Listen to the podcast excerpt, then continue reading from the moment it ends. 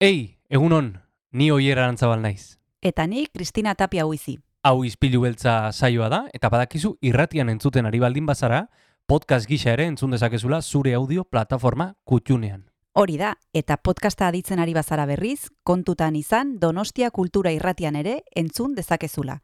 FM eundazazpi puntu lau frekuentzian. Sare sozialetan ere topatuko gaituzu noski, izpilu beltza bilatuta, Instagram, Facebook eta Twitterren. Besterik gabe, guazen gaurko saioarekin. Az gaitezen,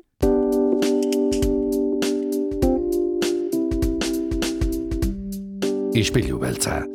Donostiako kulturaren berri, Oyer Arantzabal eta Kristina Tapia buizirekin. Egun honen entzule, osteguna da martxoak bederatzi ditu, eta ez dakit non egongo zaren, hau entzuten, ez dakit non edo noiz, baina gu, bagatoz, izpilu beltzera. Eta izpilu beltzarekin Donostiako kulturari errepaso bat emango diogu.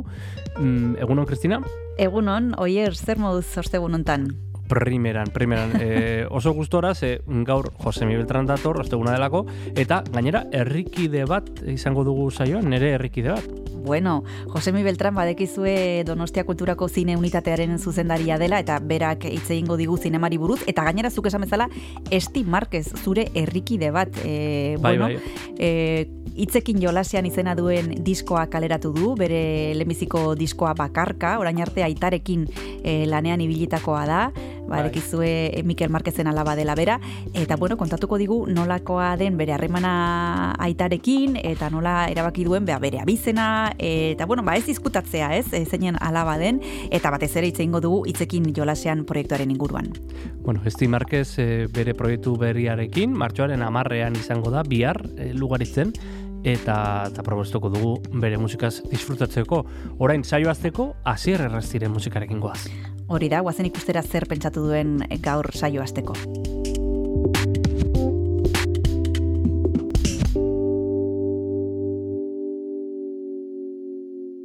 Egun honen zule, zer moduz dijo eguna. Tira, gaurkoan ispilu beltzari hasiera emateko estatu batuetara egingo dugu jauzi. Bertakoa zelako John Coltrane musikari handia. Badakizue bera saxofonista zela eta, bueno, berrogei urtetxorekin eh, hil bazen ere, bere bizitza eta bere ibilbide profesionala oso oparoa izan zela. Eta hain zuzen, bere obra aipagarrienen artean Alof Supreme albuma aurkitzen da. Mila bederatzireun eta irurogeita laugarren urtean kaleratutakoa. Batira, hain zuzen, Alof Supreme album hortako Acknowledgement kantaz hasiko dugu saioa.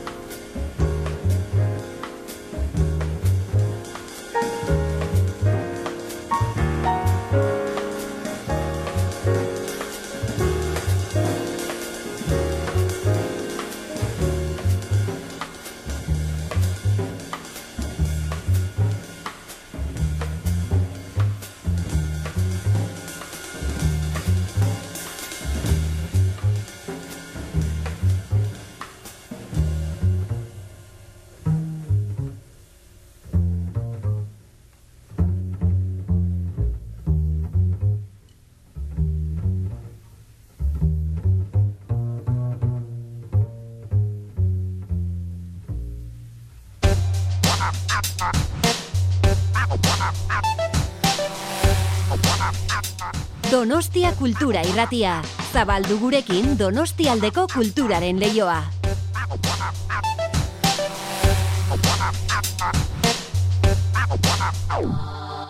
Bihar martxoak amar, zazpiterdietan lugaritzen, e, lugaritze kulturetxean izango da Esti Marquez itzekin jolasean lana aurkezten. Aiatik, e, e, esan dugu ez, Mikel Marquezen alaba ez, esango nuke, e, Esti Marquezen aita dela eh, ez? Bueno, ez? bai, bai, gustatuko zaio hori entzutea, E, bai. Esti, esti Marquezen aita da Mikel eh, eta, eta tira, gaur gonbidatu ekarri dugu. Gonbidatu dugu izpilu beltzara, e, badekizuelako hitzekin jolasean e, bere lehenbiziko lana bakarrik aurkeztu duela, eta besteak beste e, diskortako kantuak aurkeztuko ditu lugaritzen, eta bueno, beste gauza batzuk ere, eta beste sorpresa batzuk izango dira oholtzaren gainean, eta jarraian e, entzungo diogu berari, esti markezi. Guazen.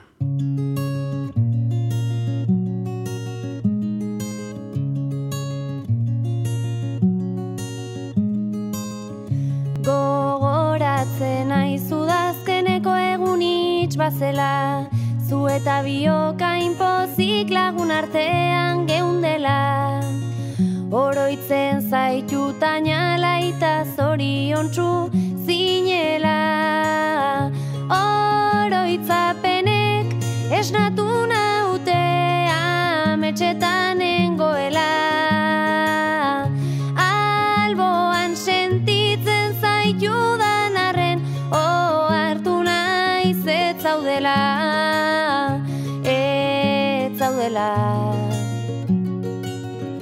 Ez zaudela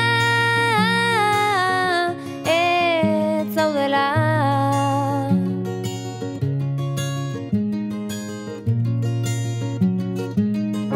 Esperantzari utze zaio zulandatzen hasia. Desioa bilakatu ilusio erauntxia Maitasuna izan daiteke mingots garratza gazia. Oroitzapenek esnatu naute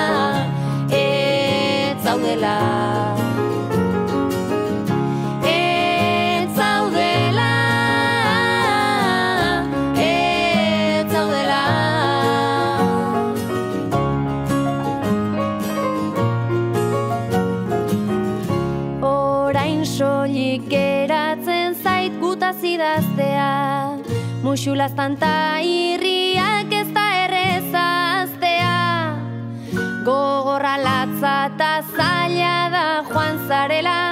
Onartzea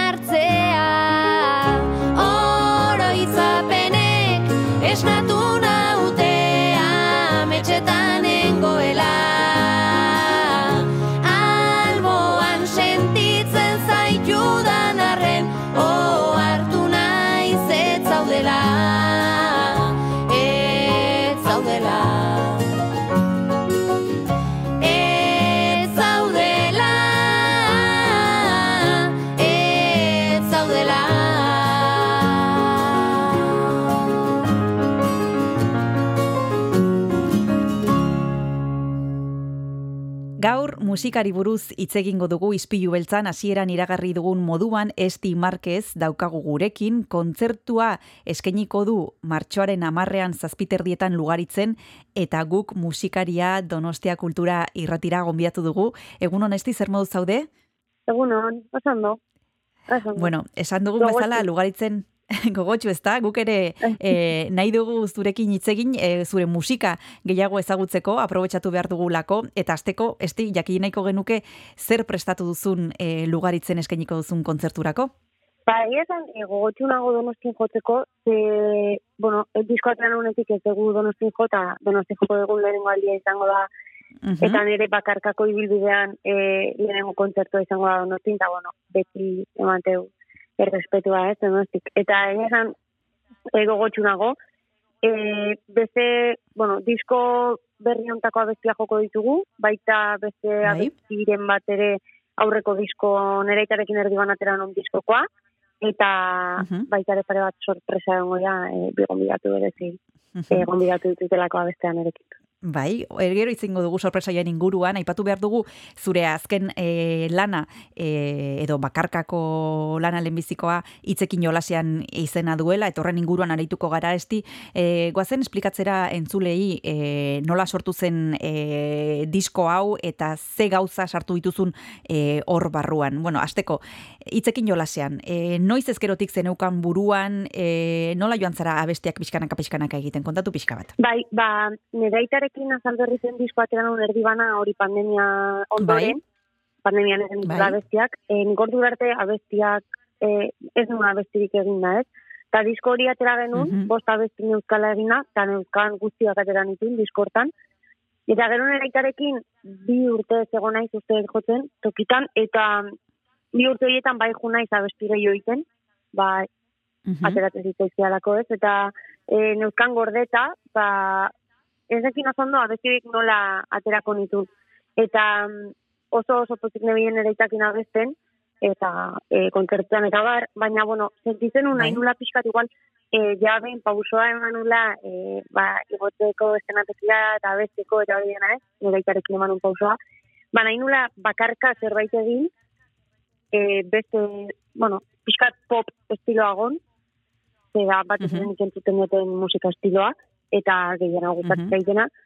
Eta pixkat hortik etorri izan. Eta eginan ezkan hori abestiak, eta pentsatu nuen musikatzea, e, eta editatzea eta hori, eta hortik etorri izan azalberritzen Mhm. diskoa, oza, azalberritzen, izekin jolasean diskoa egiteko, ba, ideia. Mhm.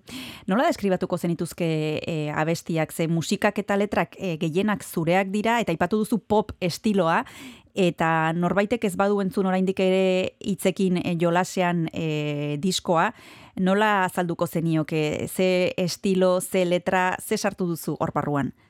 Bai, ba, di, da disko bat, eh, nik nahiko, bo, iritsi egiten dela nahiko alaia, eh, nire Mhm. musika egiteko estiloa da alaia, igual hitz egiten dut eh, gauza tristeak, edo, bueno, ez dira tristeak, nik uste dut, eh, bueno, gauza importan, garrantzitsu ez, ez, gizartean gertatzen gauza garrantzitsu ez, baina beti emateio, edo saiatzen ez dintzat, alaitasun bat ematen horri, bestela, bueno, eske, ja, egiten dugu musikare bai tristea, ja, Bai, nahiko, bai. nahiko mobida badazkagun arazo denak gizartean, ba, bueno, saiatzen nahi Bai. bat, superazio modura edo idazten, edo, bueno, pixkat, e, zera alaiago bat ematen, ez? Behintzat musikalki Mhm. alaiagoak izan daitezen. Mhm, E, naiz da igual ez dan gai alaia, baina ez izatea hain iluna, ez? mhm. Pixkat, hola saiatzen naiz. Nere musikalteko modua da alaia, hori. Bai. bai. Eta letrak esti, e, zure esperientziari buruzkoak dira, e, edo zuri, zuk ikusi dituzun gauzak, naiz eta zuri ez e, pasatu, e, pixka bat, zeri buruz idazteko gogoa izaten duzu normalean? Bai, e, bueno, orokorrean, xente idazten den maitasunan inguruan, ez dira, Mhm. mm denak nahi gertatutako gauzak ezak eta inbizita. e, ez da, mugitua.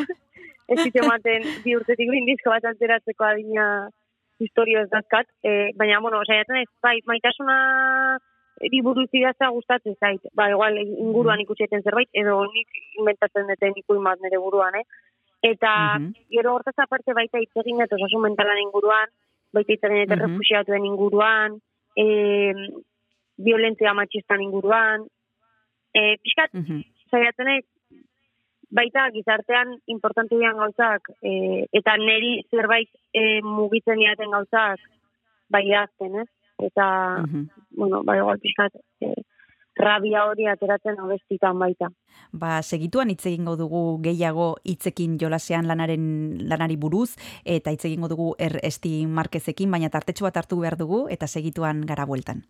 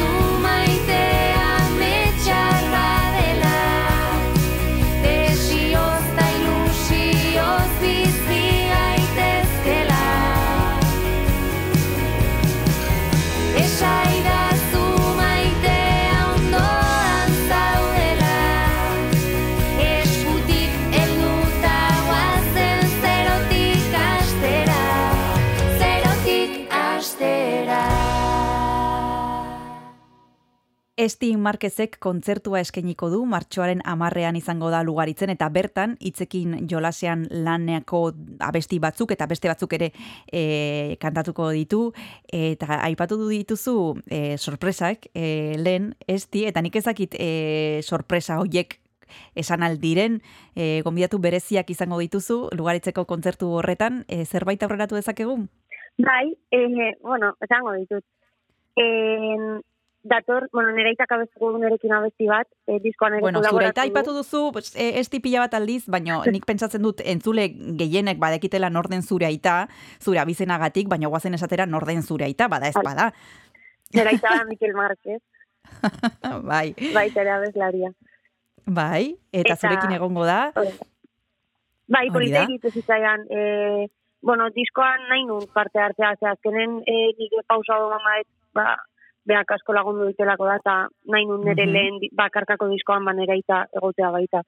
Eh, bai, ez, ez lehen bezala, osea, ez diskoa terdi bana egin da, ez diskoa nik egin ez, eta nire aitak ez dukia besti horietan, ba, parte ez, baina Mhm. nahi nun abestea bintzat. Eta ilusio asko ditik nire aita tortzeak donostiko kontzertura abestea. Mm, mhm, Eta baita ere, etorriko azara zurta, eh, bai, gaina uste hain dela ia bete jozula baita hor, lugaritzen. bai, Eta ilusio baitik baita sarak eh, abesteak, ze beakin, bueno, sarakin eta olatzen horrekin grabatu nun printzesak eta printzeak abestia, hain dela bi urte uste baita. Eta orduztik ez dut sarakin abestu, eh, hola, bueno, eski sarakin uste inoiz ez, ez detela abestu jende aurrean, ez? Eta ilusio daitezian baita zara etortzak, ze, justo baita artista bat disko atera duna oantxe, eta bai, e, pues, nahiko identifikatuta sentitzen nahi sarakin ba, gauza askotan, ez? Eta, Mhm. ba, bai, iruditzen polita baita, ba, bera gonbidatzen erekin abestea.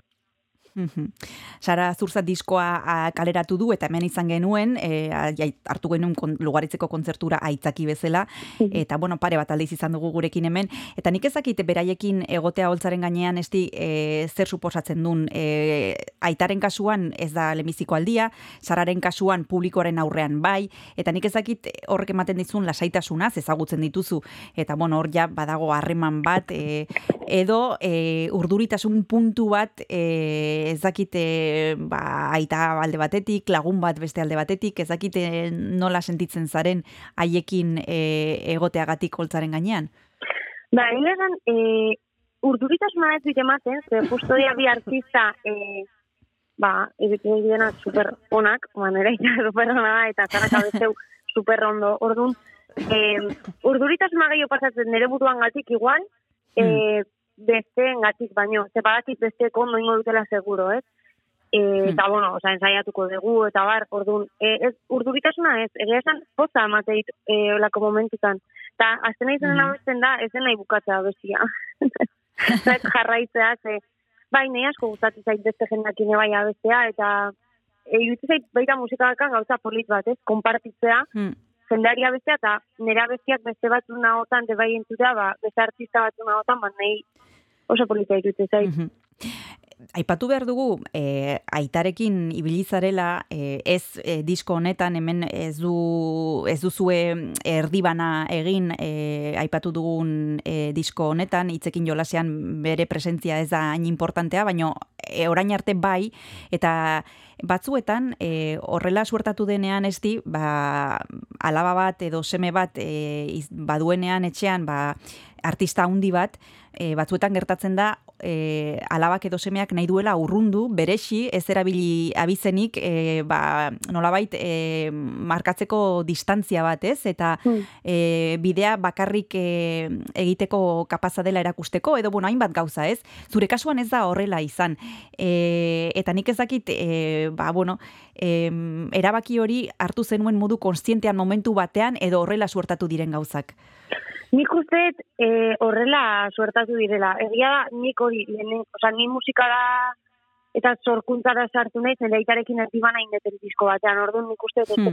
logikarik bakarrik jartzea ez, ez dakit, bakarrik izatea ez edo izatea beste izen bat, azkenean aita alabak atera genunean disko bat, ez? E, izatea, ez dakit, eh, ez, ez nahi zikilen alaba, ez dakago antzik, bio gaude ez tera baina ez dakago antzik, ez gaina kristoan Hmm. dakago, orduan, e, ez da, bera laba naiz, eta naiz, eta izango naiz, betirako orduan. E, nola, behakin hola ezin izan, ba, jarraitu dut estimarkez izaten, ze baina ezkan ja besti batzuk atera eta e, estimarkez bezala, orduan pentsatu nun, ba, bakarkako bidea jarraitzea, ba, estimarkez bezala, e, gaina, ba, azkenean, e, nahi gauza on gehiago mandizkit, e, Mikel Marquezen alaba izateak, txarrak baino, ez? Batzutan igual, e, bai batzutan sentitzen dezu igual, ba, e, ez dakit disko bat atera ez, ez? Da, dala igual, ez aita lagundu izu? Ez, jo, oza, alen nik bakarrik egin, ez dit lagundu. Mm. Eta ez da ezer gertatuko lagundu, ba, oza, lagundu bazian, ez? Baina ez da izan, Mhm. eta pixkat sentitzezula, ba, batzutan, ez dakit, jendea pentsatura bat zaudela toki hortan zuleitagatik, edo, ez dakit, eta dena ez da hola zen nik delan pila bat egin, ez? Noski lagundu Mhm. ditela nire itaren alaba izateak, noski lagundu ditela nire itarekin bizko bat egiteak erdi bana, e, ja eskaloi bat igo betelako eta ez naizelako minus bian hasi, baina, Mm. e, bueno, oza, orain asesoran gorakanoa bakarrik, e, nahi ez Mm. esan, ez? Orduan, bueno, gauza onak ematen ditu, ez hain onak ere bai, baina, bueno, nire kasuan onak gehiago izan dira txarrak baino. Eta gaina ez dut izan dianik txarrak, ez? Igual dira, ba, ez dakit, ez hain onak, baina ez dira txarrak, ez nuke. Orduan, bai, oza, ni Esti Marquez bezala hartu nun, gaina hori naizelako, ez Esti Marquez, naiz, orduan ez dut beste izen bat hartu, ba, hola suertatu zalako, nik uste. Igual, Mhm, hasi banintzen musikan, e, eta talde bat egin manu edo, ba, igual izango zen ez baina nola, hola hasi nintzen, pues, hola jarraitu. dut. Oso ondo, ba, Esti Marquezek kontzertua eskainiko du, segituan itzuliko gara berarekin e, kontzertu horren inguruan eta musikaren inguruan hitz egiteko, baino bigarren tartetxo bat hartu behar dugu, eta oraintxe gara bueltan.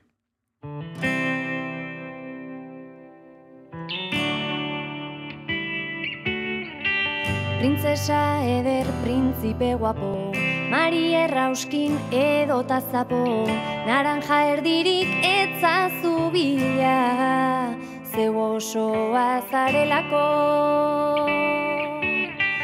Zeure begi ez bizi eta ez Besteen begientzako. Egin dorretxetik salto Aske bazara ez duzulako. Askatzailerik beharko. Komplexuz gizen ta pixuz lumak Beste entzako panpinkutunak Izan gaitezen agintzen digu Sarritan gure garunak Izan gaitezke handi zain txiki Azkarrak edo tuntunak Raketunak barredunak Erakargarri egiten gaitu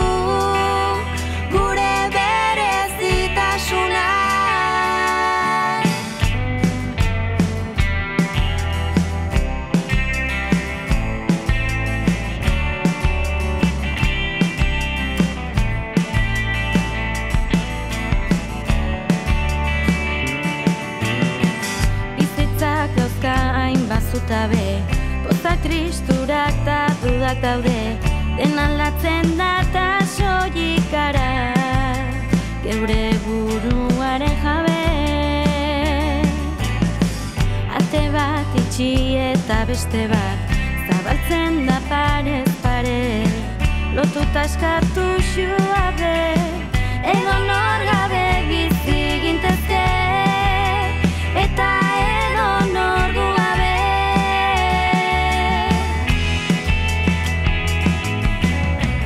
Gaurrak puskatzen du iragana Eta egunak gaua darama Eta hasten den bezain natural Bukatzen da harremana. Ezazu pasa bizitza osoa Begiratuz besten gana Bilazazu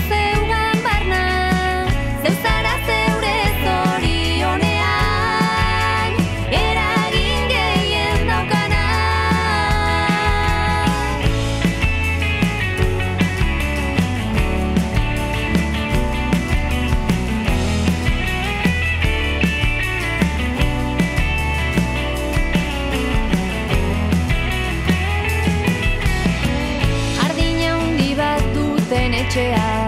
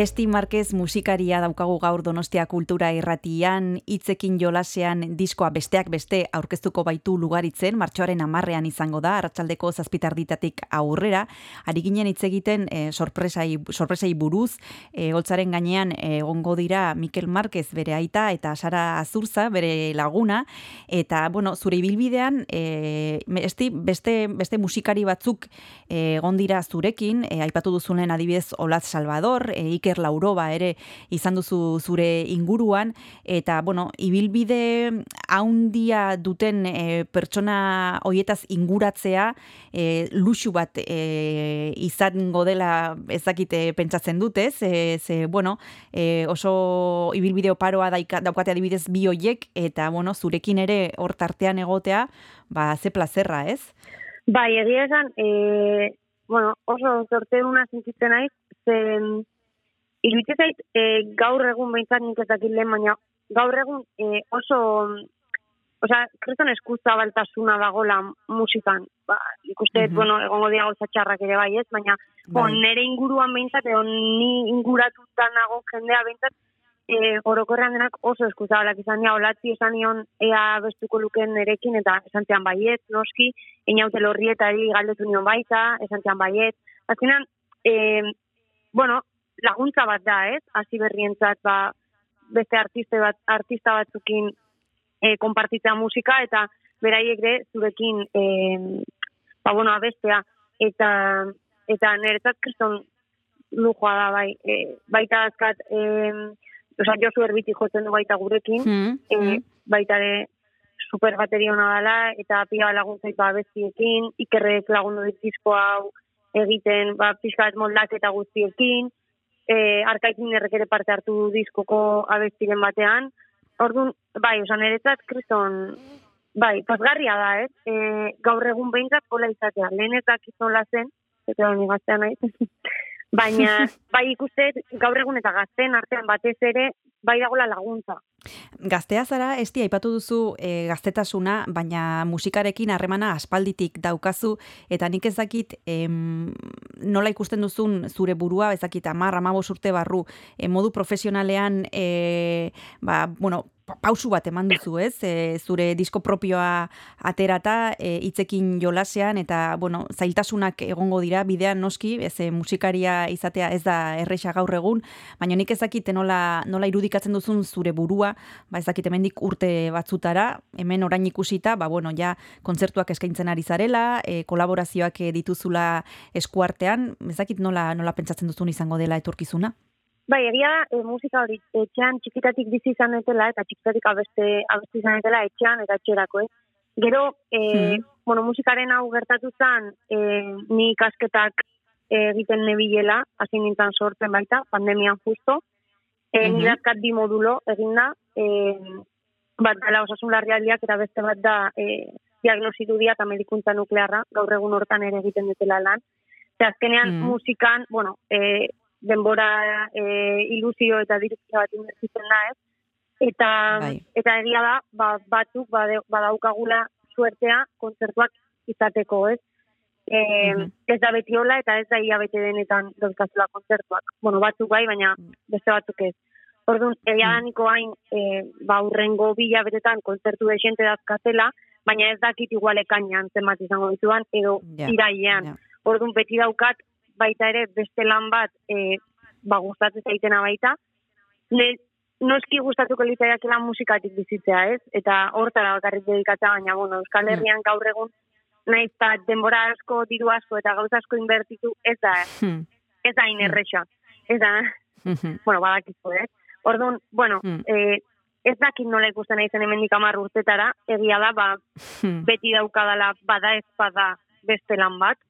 E, Mhm. orain justo hilabete hauetan ez nabil hortan lanean, baina ba, badauzkadalako kontzertuak ez, baina igual kontzertuak ez dauzkadanean, ba, bai e, beste lana, lanetik tira, tirako dut, ez? Baita ere betetzen Hmm. didan lan badelako.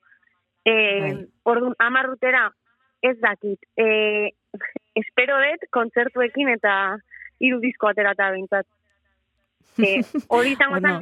ideala, baina, bueno, igual, igual ez, igual bai, igual ez dakit. Ba, ez que da, hain, askotan nahi dezu zerbait ez, baina da hain, da hain zaila pentsatzea ze gertatuko den hemendik Bai. urtetara, igual, Bai, ez dakit. Gainera, arlo hontan non faktore askok eragina dute, Bai. ez? E, ez da bakarrikan zuk egiten dezun lana, gero e, kanpoan badidire beste faktore batzuk, ba, garrantzia handia dutenak eta ez daudenak zure esku, eta bueno, ba, horregatik da e, arlo edo profesio hain ez egonkorra edo, bueno, e, aldaketa asko daude, eta, bueno, ikusiko dugu nola egongo zaren e, amar urte barru, nik ezakit txikitatik, e, esan duzu, harremana txikitatik izan zenuela musikarekin, e, etxean, ba, musika mm, egondalako beti, baina ez dakit pasatu zitzaizun noizbait e, baloratzea e, irtenbide hau mm, ja e, serio, ez? E, eta kontuan hartzea, bagian noizbait e, hau izango dela zure ogibidea edo beti izan da hobi bat. E, ez que ez da izan ez hobi, ez e, sentitu dela izango zenik nire ogibidea, ez? Osa, gertatu zan hain e, Mhm. arraro pandemian hasi nintzala sortzen, ordura arte ez nula sentitu, azkenan nina zen izan sortzen hogei urtekin. Orduan, ordura arte ez, ordura arte ba, pentsatzen, ba, jarraituko dut ikasten, ikasiko dut, eta ingo dut lana ospitalean, ez? E, hori zan, nire buruan zegona.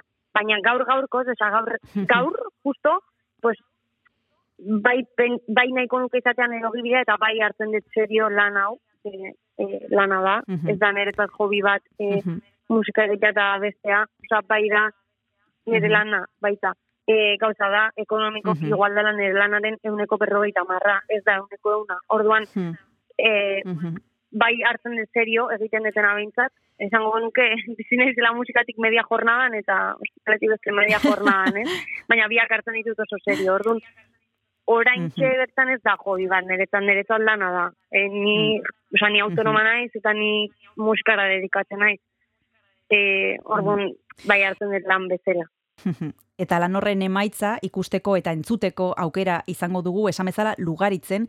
Hitzekin jolasean lana e, aurkeztuko du eta bueno beste gauza batzuk ere e, egingo ditu Esti Markezek eta laguntzaileak izango ditu. Sorpresaz beteta egongo da kontzertua. Esan bezala martxoaren amarrean izango da lugaritzen arratsaldeko zazpiterdietatik aurrera. Esti Markez eskerrik asko ispilu beltzara hurbiltzeagatik. Zorte on eta besarka handi bat. Eskerrik asko zuei. agur. Agur.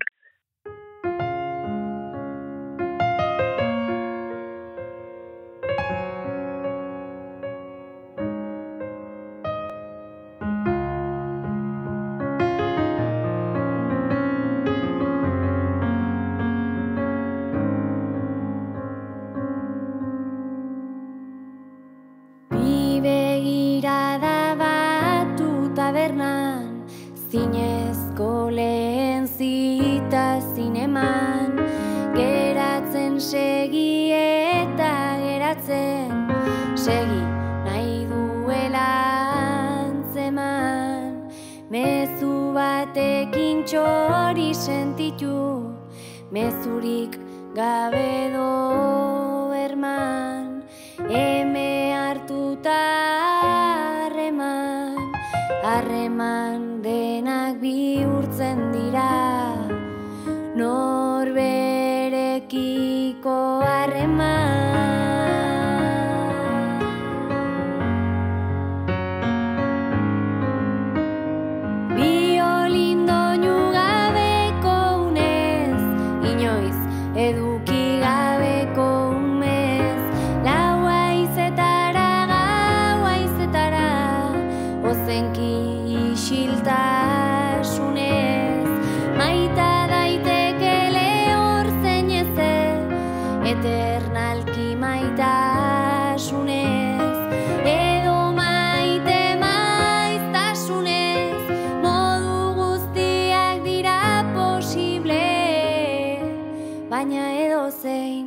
All the way.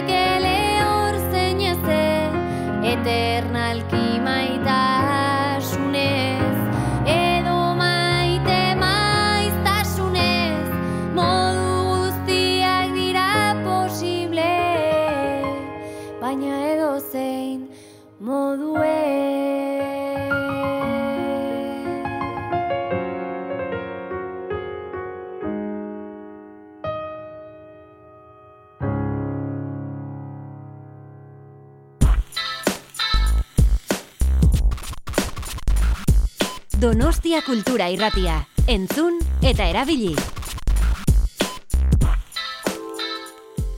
Osteguna da entzule eta badekizue ostegunetan zinemari buruz aritzen garela. Bi egun kutxun ditugu hemen ispilu beltzan, asteartea eta osteguna, zinemari buruz aritzen garelako bi egun hoietan. Eta ostegunean, Josemi Beltranen txanda da, Donostia Kulturako zineunetatearen zuzendaria. Eta gaur bi gai oso interesgarrirekin dator, besazpean. Eta hoien inguruan arituko gara. Egunon, Josemi, zer moduz? Kaixo, ondo, eh, ondo, ondo, hautsa ez dago super perfektua, baina, baina bueno, ondo. ematen dio misterio, eh, Bai. misterio alo bat edo kutsu bat ematen dio hotxorrek, eh, oso, bueno, diferente, ematen du beste pertsona batekin ari gara, zuzara, baina gripearen azken eh, egunak espero dugu eh, pasatzen ari zarela egunotan, Josemi, eskertzen zaitugu hemen hemen egotean naiz eta pixka bat oraindik gaixo gaixo egon. Zegaiak oso interesgarriak dira, aipatu dugu hasieran, e, aurrera petxo batekin gatoz, e, Josemi Giza eskubiden jaialdia dator, hogei garren edizioa izango duzue aurten, eta ez dakize kontatu dezakegun ja honen inguruan, ze segituan da, eta zuek ja e, topera zaudete lanean honekin. Bai, e, bueno, ja egongo da denbora gehiago e, luze hitz egiteko, baina baina aste hontan egin dugu aurrera pentso bat, e, Mhm. zenbait e, sail ofizialeko zenbait filmekin, e, ziklo ziklo paralelo bat baita. Bai? Eta batez ere, bueno, ba, gure gure aurtengo inaugurazioa, mm, e, benetan, bueno, ba, berezi, euskal ekoizpen batekin, e, Bai. gainera, e, Bai. 20.000 especies de abejas filma, e, bueno, orain Berlinalen arrakastatxua izan dena, e, esti urresolak e, laudioko, laudioko zuzendariak sortutakoa. Eta, bueno, ba, justu e, apirilaren hogeita batean estinatuko da zinemaretoetan baita, baina, bueno, ba, gure festivalean, ba, e, egingo dugu, ba, gala modukoa edo Euskal Estrenaldi hau ospatzeko Mhm. egun Berlin egun Berlinean apirilaren 21 batean eta benetan uste dute bueno ba denboraldiko fin oso garrantzitsua dela eta eta batez ere oso lotuta gure e, gaiekin e, Mhm. eta giza eskubideen gaiekin ba bueno e, badakizue kasu honetan ba e, handiarekin e, esti urresola kontatzen duela ba bueno, e, trans e, umen e, egoera, e, eredu modu Mhm. poetiko batean, Mhm. eta, eta bueno, etxengo dugu gehiago ziur, ziur nago filmari buruz, Bai. baina oso, oso posik gaude, ba, hau, hau inaugurazioa izateaz. Bai. Gainera justu kointziditzen du e, zinema komertzaletan ikusteko aukera izango dugu hogeita batetik aurrera, zuek Mhm. hogeita batean bertan jarriko duzue esti urresolaren pelikula, aipatu behar dugu Berlinen egon dela sekzio ofizialean e, lehiatzen, Sofia Oterok irabazi zuela e, aktore honenaren saria, gero Malana, Malagan egongo dela, nik uste dut e, aurten edo behintzat urte hontako hasieran pila bat izango dugula e, pelikula honen inguruan, ez dakit e, Jose Mizuka ikusteko aukera izan duzun eta zerbait esan dezakezun, Mm. zer iruditu zitzaizun ikusi baldin baduzu? Bai, bueno, da, niretzat da konfirmazio bat, e, esti urrezalaren e, talentuaren konfirmazioa, eh, ja bere aurreko film laburretan, e, kuerdas edo beste film labur bezalakoetan, ba, e, nabaritu genuen e, esti urrezalaren begirada, Mm. eta nire ustez e, ba, film honetan daukagu konfirmazioa. Mm? Batez ere e, nola lan egiten duen aktoreekin, e, bueno, aktore ezagun asko daude guretzat, hemen filmean, eh, Ane Gabarain, Itziar Lazkano edo Bai. Patricia López Arnaiz, Bai.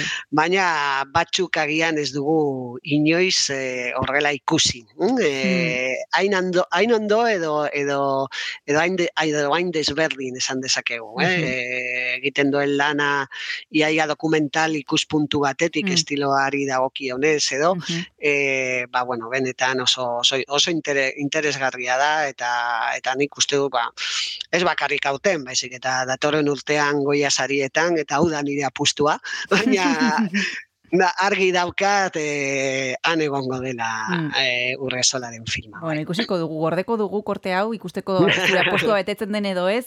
Esti urresola, bere azken lana 20.000 espezies de abejas e, izango dugu giza eskubideen zinemaldian, e, donostian, eta mm, jarraituko dugu e, jaialdiaren e, inguruan Mhm. hitz egiten, e, esan bezala aurrera pentso bat egin duzu, eta pista batzuk izango ditugu jakiteko pixkat nondik nora joango den aurtengo edizioa, baina tartetxo bat hartu behar dugu horren aurretik, eta beste bat eskatu behar dizut, Jose, Jose Mize pentsatu duzu. Mm, bueno, ba, aukeratu dut e, e, The Doors e, talde famatuaren abesti bat, e. Hello, I Love You, e, eta bueno, ba, balioko digu hitz egiteko e, urrengo, urrengo tartean. Perfecto, guazen entzutera.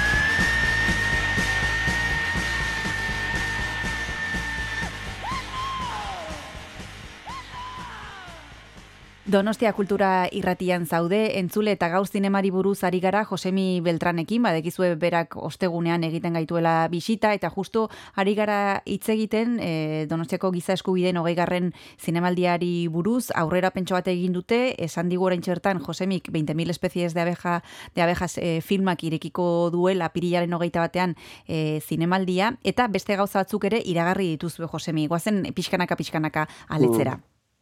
Bai, beste zaila ofizialeko beste beste sei film luze iragarri dugu, e, adibidez eta horregatik aukeratu dut The Doors filma, Mhm. e, Metronom da fikziozko film bat, Errumanian kokatutakoa, e, irurogeita marreko amarkadan, eta protagonista da e, irgati, irgati bat, irgati, irgati e, ba, emesora bat edo, e, Free Europe, Mhm. e, eta, e, bueno, ba, irgati horretan entzuten zain, e, bueno, ba, e, hau bezalako abestiak entzuten ziren, eh, e, pizkat errebeldia gisa edo e, ba, e, komunistako e, e, estatu komunistaren aurkan eta askatasuna adierazteko. Eta mementu hori kontatzen du e, film honek metronom, e, metronom duen izena. Horretaz aparte beste fikzio batzuk e, iragarri dugu, e, Lesarki adibidez, e, Philip Fosson da frantseko zuzendaria, hau Algeriako gerran kokatutakoa, eta e, arki hoiek dira, ba, bueno, e, e, Frantziaren alde, baina behartuta borrokatzen zuten Algeriar gazteek, gazteak, mm? e, eta bueno, ba, benetan oso fin historiko potentea da. Beste fin historiko bat, kasu honetan eh, animazio bat, stop Bai. motion animazioa, da Antagri Ocean e, o Italian, e, Mhm. ba, debekatuta txakur eta italiar gintzat, eta, bueno, bada historio, historio pertsonala umore puntu bateken baita. Mm? E, Ukrania egongo da, duda barik, egongo da gure aurtengo zaila ofizialean, kasu honetan dokumental batekin, Mariu, Mariupolis 2, bigarrena, e, Mantas Keravicius e, da zuzendaria, eta Mantas Keravicius ba, hil zen e, dokumental hau filmatzen zuenean. Eh? Eta horregatik, ba, bueno, gogoratu izan deu, nahi izan deu, ba, e, ba bere lana, e, bere testigantza, zeren gainera e, egon zen gure gure festivalean, duela Mhm. zenbait urte, beste film batekin, eta, bueno, ba, hau Ukrainiaren gerrari, gerraren inguruan hitz egiteaz aparte, ba, ba, e, zinemagile bat e, gogoratzeko balio, balioko digu. mm? Mhm. Beste zinemagile garrantzitsu bat da Jafar Panahi, Bai. Iranekoa, mm? Bai. Ira, Iran beti baita, e, bueno, ba, zoritxarrez albisteetan, eta duela asko Jafar Panahik, e, bueno, ba, e, pairatzen du edo, ba, erregimenaren errepresioa, mm? e, gartzen alen onda, bere etxean egonda e, itxalpetuta, eta, bueno, duela gutxi askatu zuten, baina auskalo e, ea, noiz arte egongo den horrela, E, baina nau biars da bere azkerengo filma eta eta esango dugu gure zail ofizialan. Eta bukatzeko beste euskal ekoizpen bat, e, Bai. tetu, tetuan, kasu honetan iratxe fresnedak Mhm. e, zuzendutako e, dokumentala. Mhm. Oso ondo. Ba, hause izango, hauexek izango dira ikusteko aukera e, izango ditugun pelikulak, aipatu ditu Josemik e, izenak, e, webgunean izana izan ez gero informazio guzia daukazue, e, eta guazen beste zerbait aipatzera, aurten e, zinema eta memoria ziklo labur bat ere antolatu duzu eta bakaleran, ez da? Bai.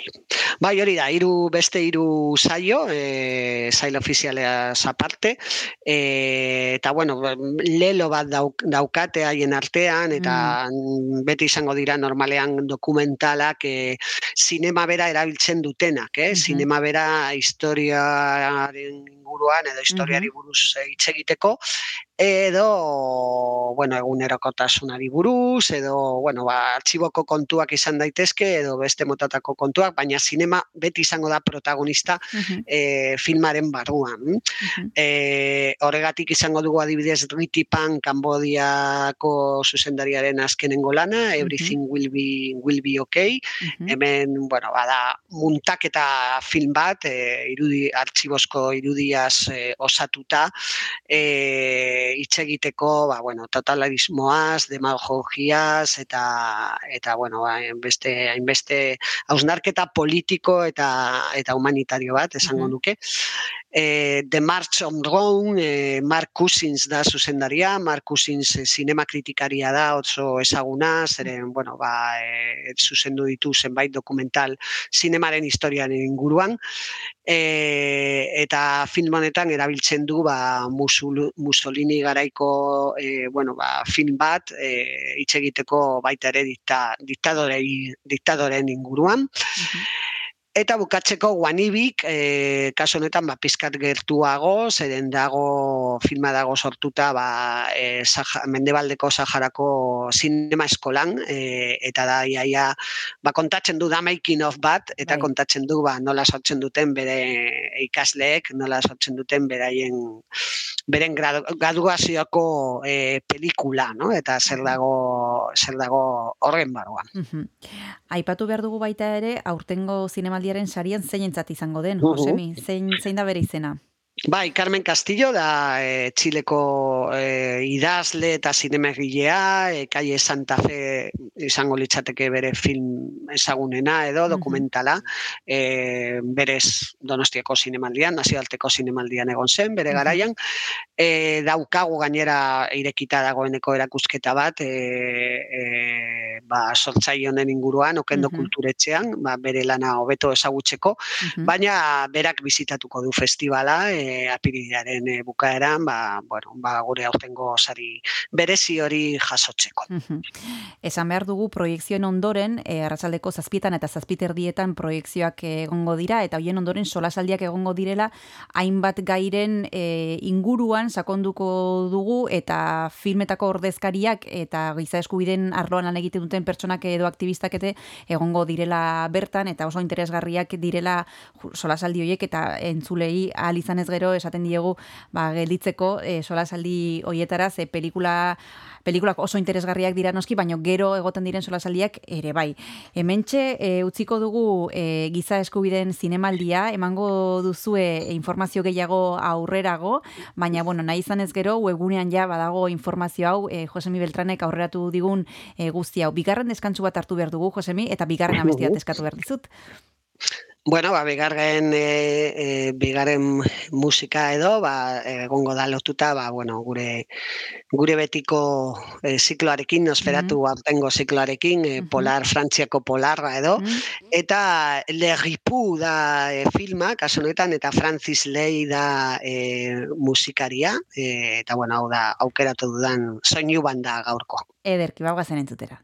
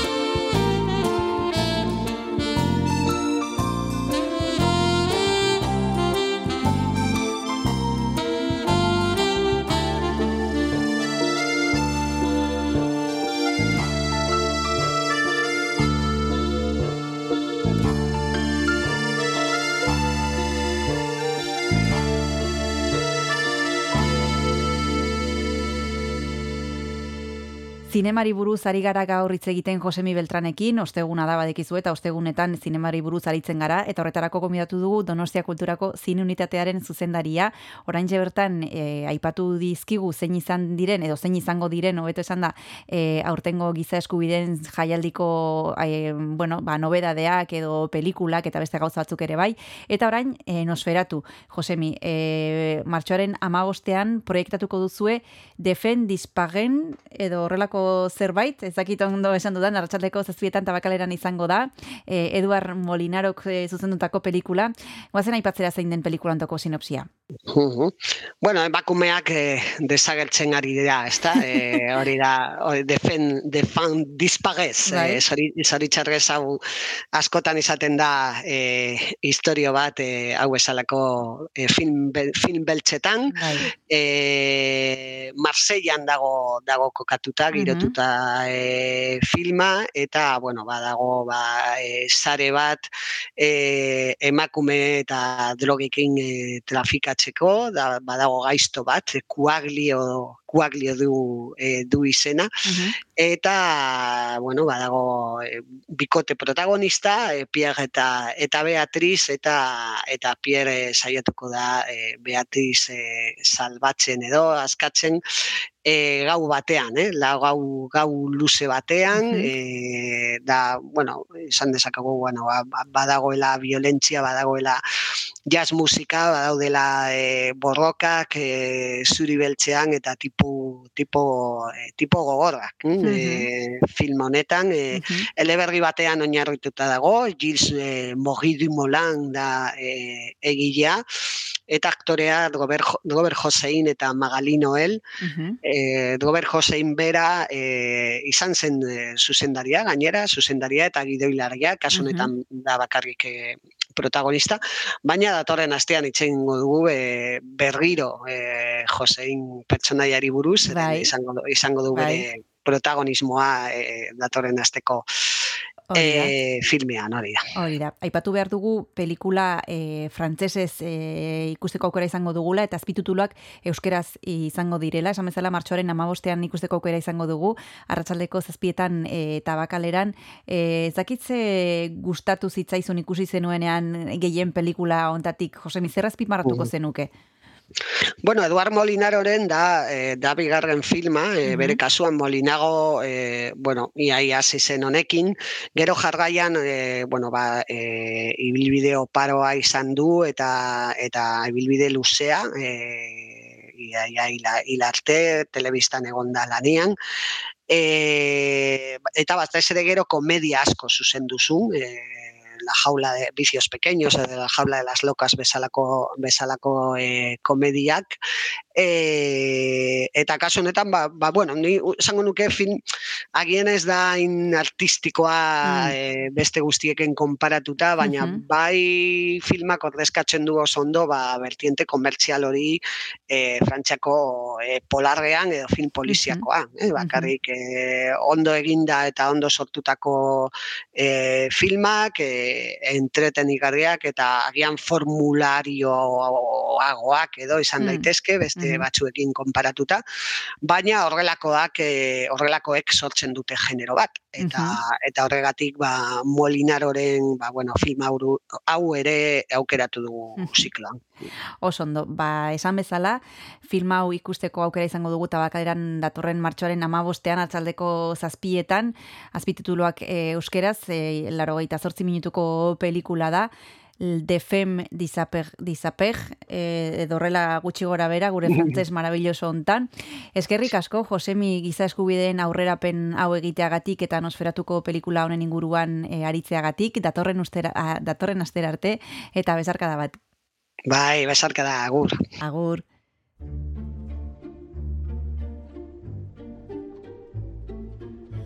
Sur ton chemin,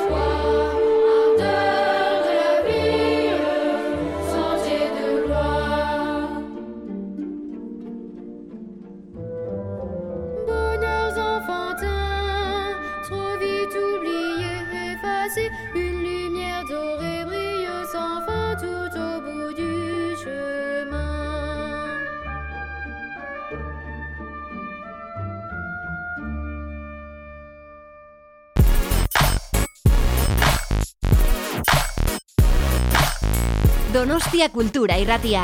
Iriko eta aldirietako kulturaren leioa.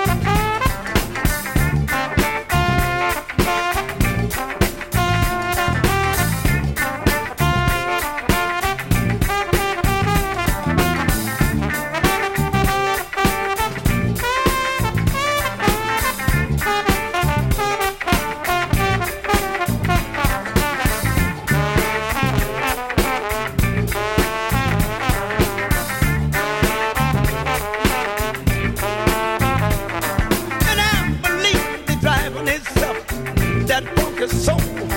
If you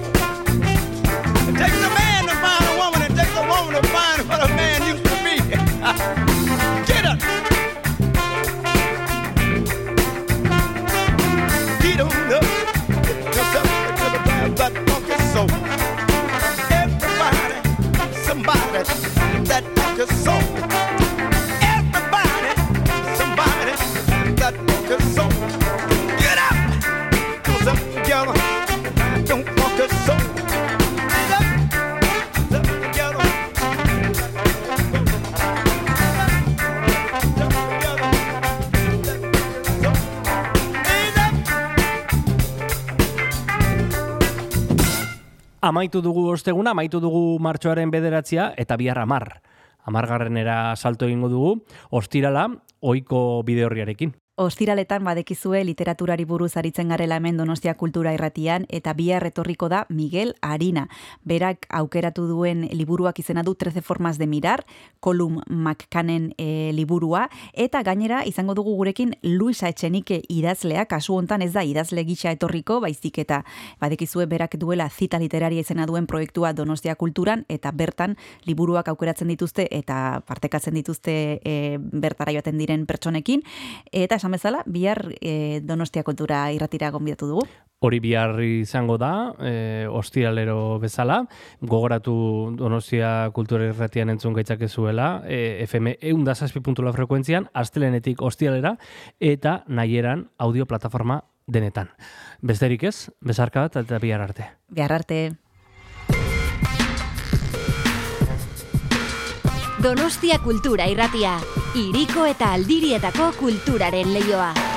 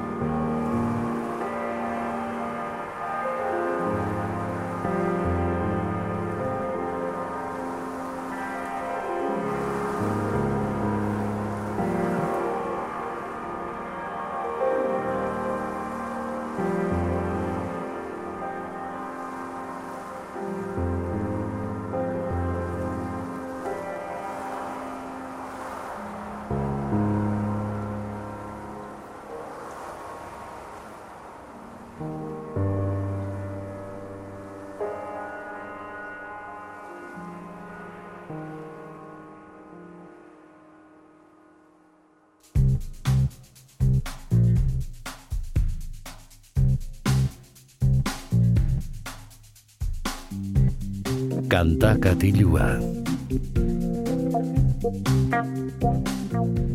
Kaixo entzule, tira, hementxe jarraitzen dugu, eh? Ispilu beltza irratxa joan, Donostia Kultura irratian, kasu honetan, kantakatilu atalean. Badakizu ispilu beltzak eh, bizati izan ohi dituela, lehenengo zatian eh, Kristinak eta Oierrek, bueno, ba, gure kolaboratzaileekin eta artista handiekin, ba, elkarrezketak izaten dituztela, eta bigarren zati honetan, eh, datozen minutuak hemendik eta amarrak bitarte musikari eskaintzen dizkiogula.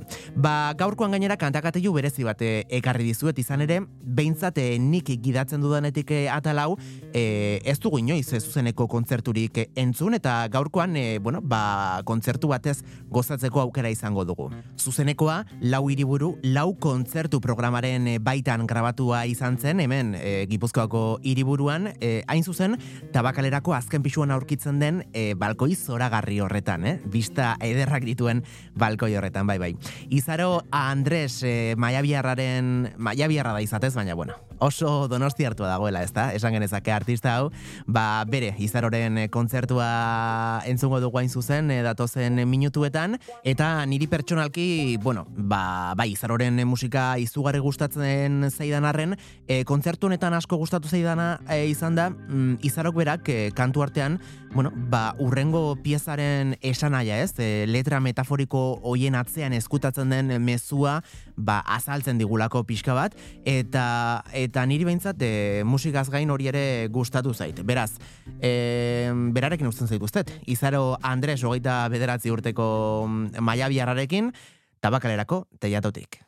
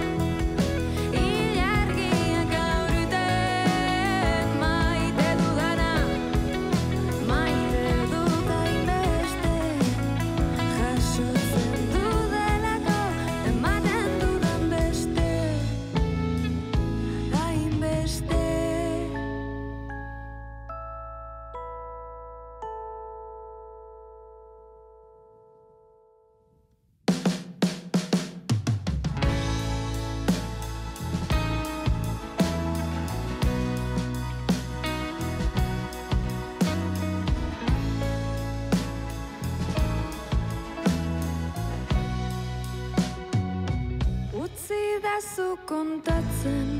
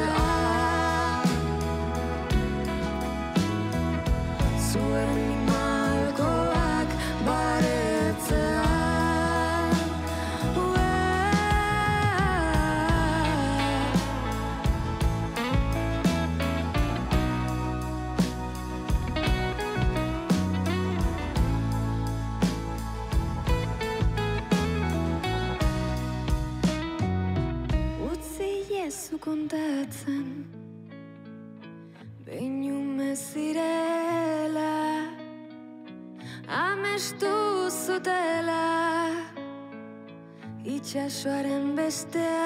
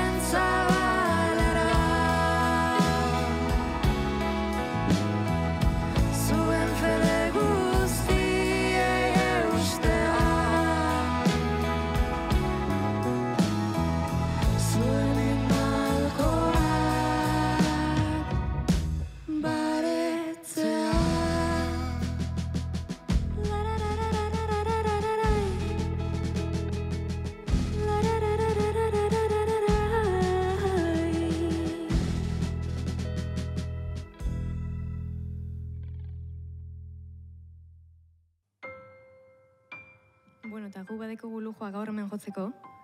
Em, e, iri zoragarri honi bizkarra emoten, baina bueno, e, badeko baita lujoa iri zoragarri hontan bizitzeko, baina ez litzateke lujo bat izen bier. Da, iri zoragarri eder bat behar dituna, bertan bizitzen gazteak, umeak, helduak, zaharrak, bertakoak, kanpokoak, berdin da. Baina behar gaituko hemen bizitzen, eta danokin behar dugu esfortzu txiki bat, eta batzuk handi bat, e, hori ala izateko. Iria bizirik mantentzeko nik uste oso garrantzitsua delako. Em, eta goi ez donostitik, Parisera.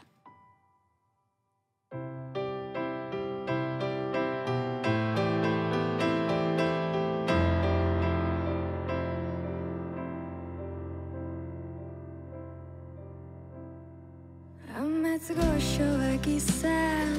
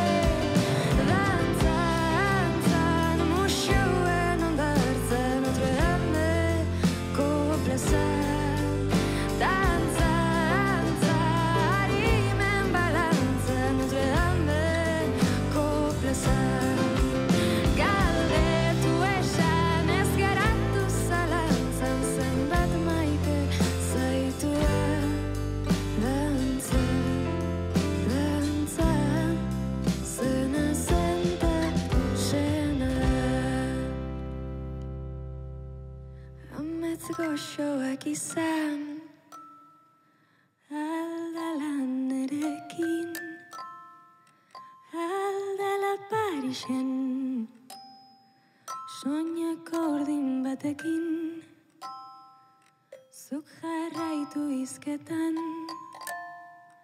Nik musua kopetan Zer egongo tezaren Zu amesten benetan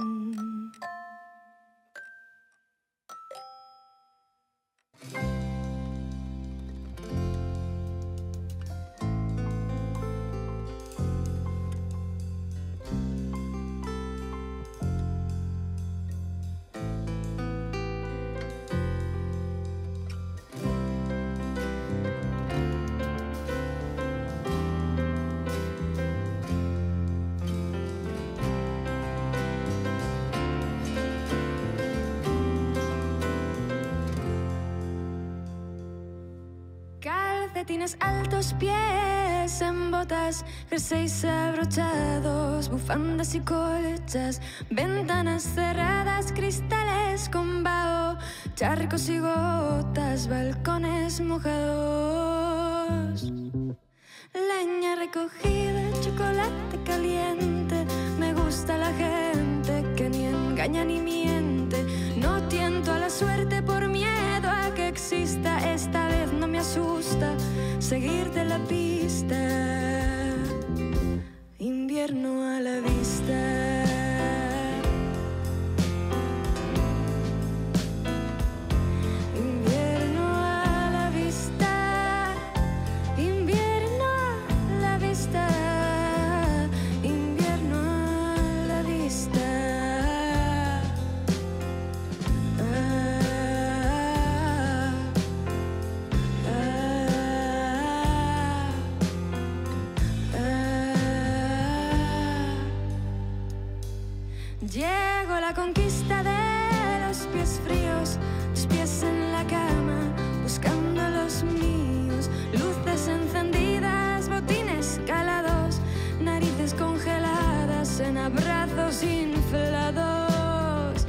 Chaqueta y por la mía, por tu bufanda y por la mía, por tu chaqueta y por la mía, por tu bufanda y por la mía.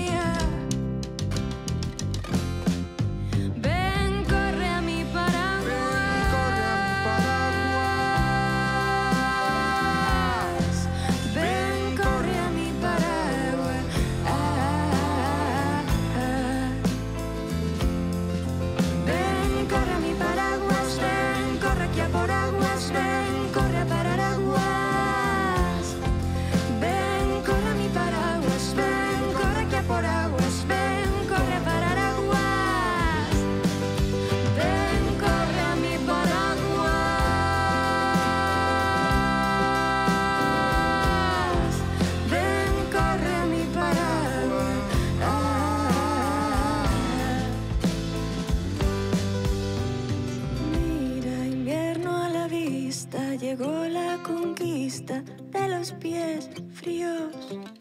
Mira, invierno a la vista, llegó la conquista de los pies fríos.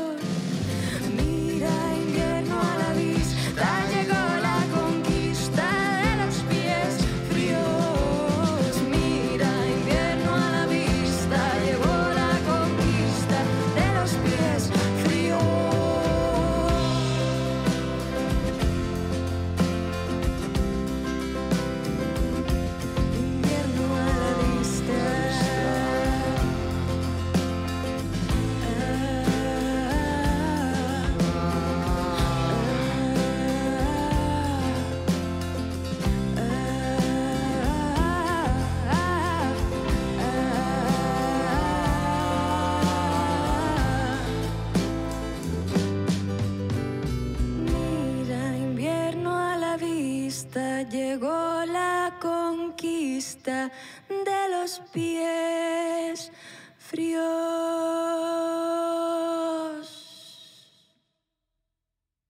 Urrengo kantu deitzen da Nora, eta e, idatzi neban pelikula baterako, deitu osten Lara Izagirre zine zuzendariak, esaten e, bigarren, bere bigarren pelikulako gidoia idazten zabilela, eta nire musika entzuten zebala behin da berriro, eta berri datziko neban kantu bat pelikularako. Eta konta bosten pelikula zertaz doien, eta da emakume bat, e, emakume gazte bat, pasatzen dabela bere bizitzaren ia gehiengoa besteak zaintzen, ez? Dala gauza bat emakumen gehiengoari pasatzen jakona e, mundu hontan. Eta gehien zaintzen daben persona horietako bat hiltzen danean, konturatzen da, ez dakila bera nordan, ez dakila zer gustatzen jako neitie, nordan bera, e, zer nahi da benin bere denborakin. Eta da aventura bat, nun emakume bat doien bere burua topatzera. Eta hortik jaio zan kantu hau, nora.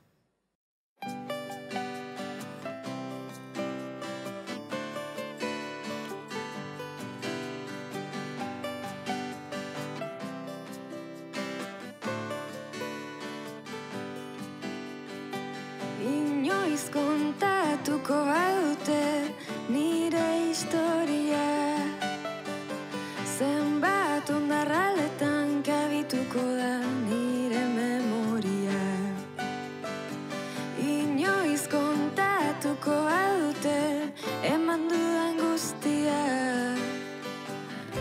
Zenbat eman dudan kanpora.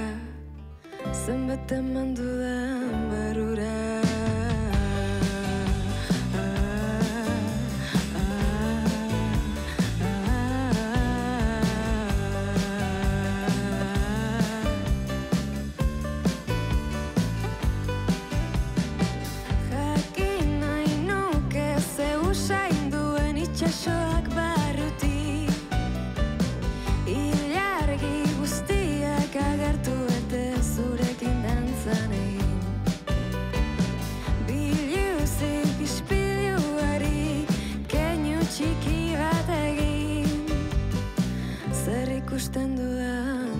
kanpotik Zer ikusten dudan barrutik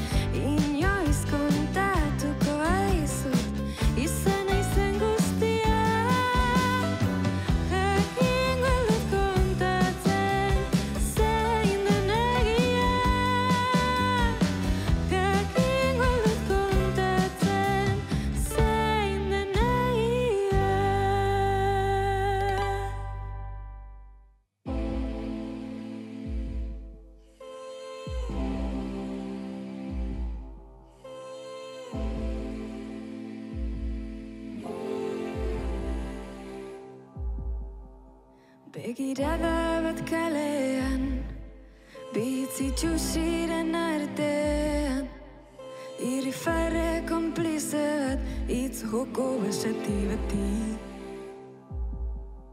Nire izanik ez papeletan Nire izanik ez karteletan. Ta esan dezagun argi Ez zarela erbeste egiten ari